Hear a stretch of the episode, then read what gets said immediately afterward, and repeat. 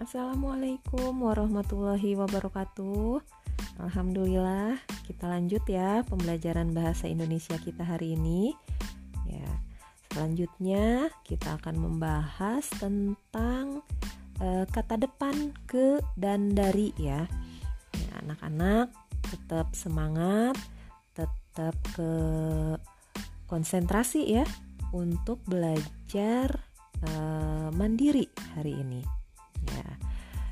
Di sini kita akan belajar tentang kata depan ke. Ya, kalau di modul anak-anak itu ada di halaman 41 ya. Kata depan ke berfungsi menandai hubungan arah menuju suatu tempat. Ya, penulisannya dipisah dari kata tempat yang mengikutinya. Contoh ya, nomor satu, Yogi ikut ayah pergi ke Bali. Nomor dua, ibu pergi ke pasar ikan.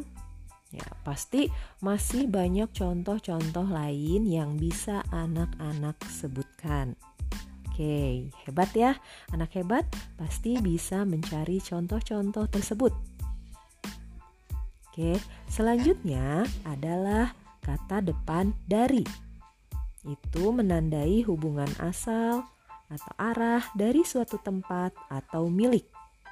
Ciri penulisan dari sebagai kata depan adalah sebagai berikut. Penulisan dari dipisah dari kata tempat yang mengikutinya. Contoh, ayah pulang dari kantor. Yang kedua, teman baruku berasal dari Aceh. Ya, pasti anak-anak juga masih bisa ya. Ini mudah sekali anak-anak bisa mencari contoh e, kalimat yang menggunakan kata depan dari yang lainnya. Mengerti kan?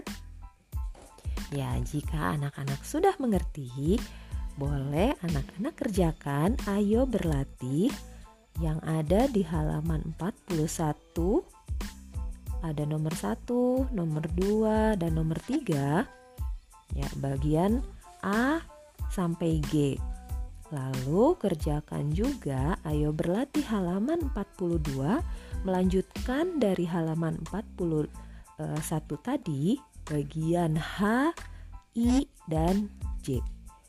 Anak-anak boleh mengisinya langsung di dalam modul yang anak-anak miliki. Kalau misalnya modulnya belum ada, boleh ditulis di buku catatan terlebih dahulu. Nah, jika sudah selesai, silahkan kumpulkan melalui classroom. Lalu pekan depan insya Allah kita akan bahas bersama-sama.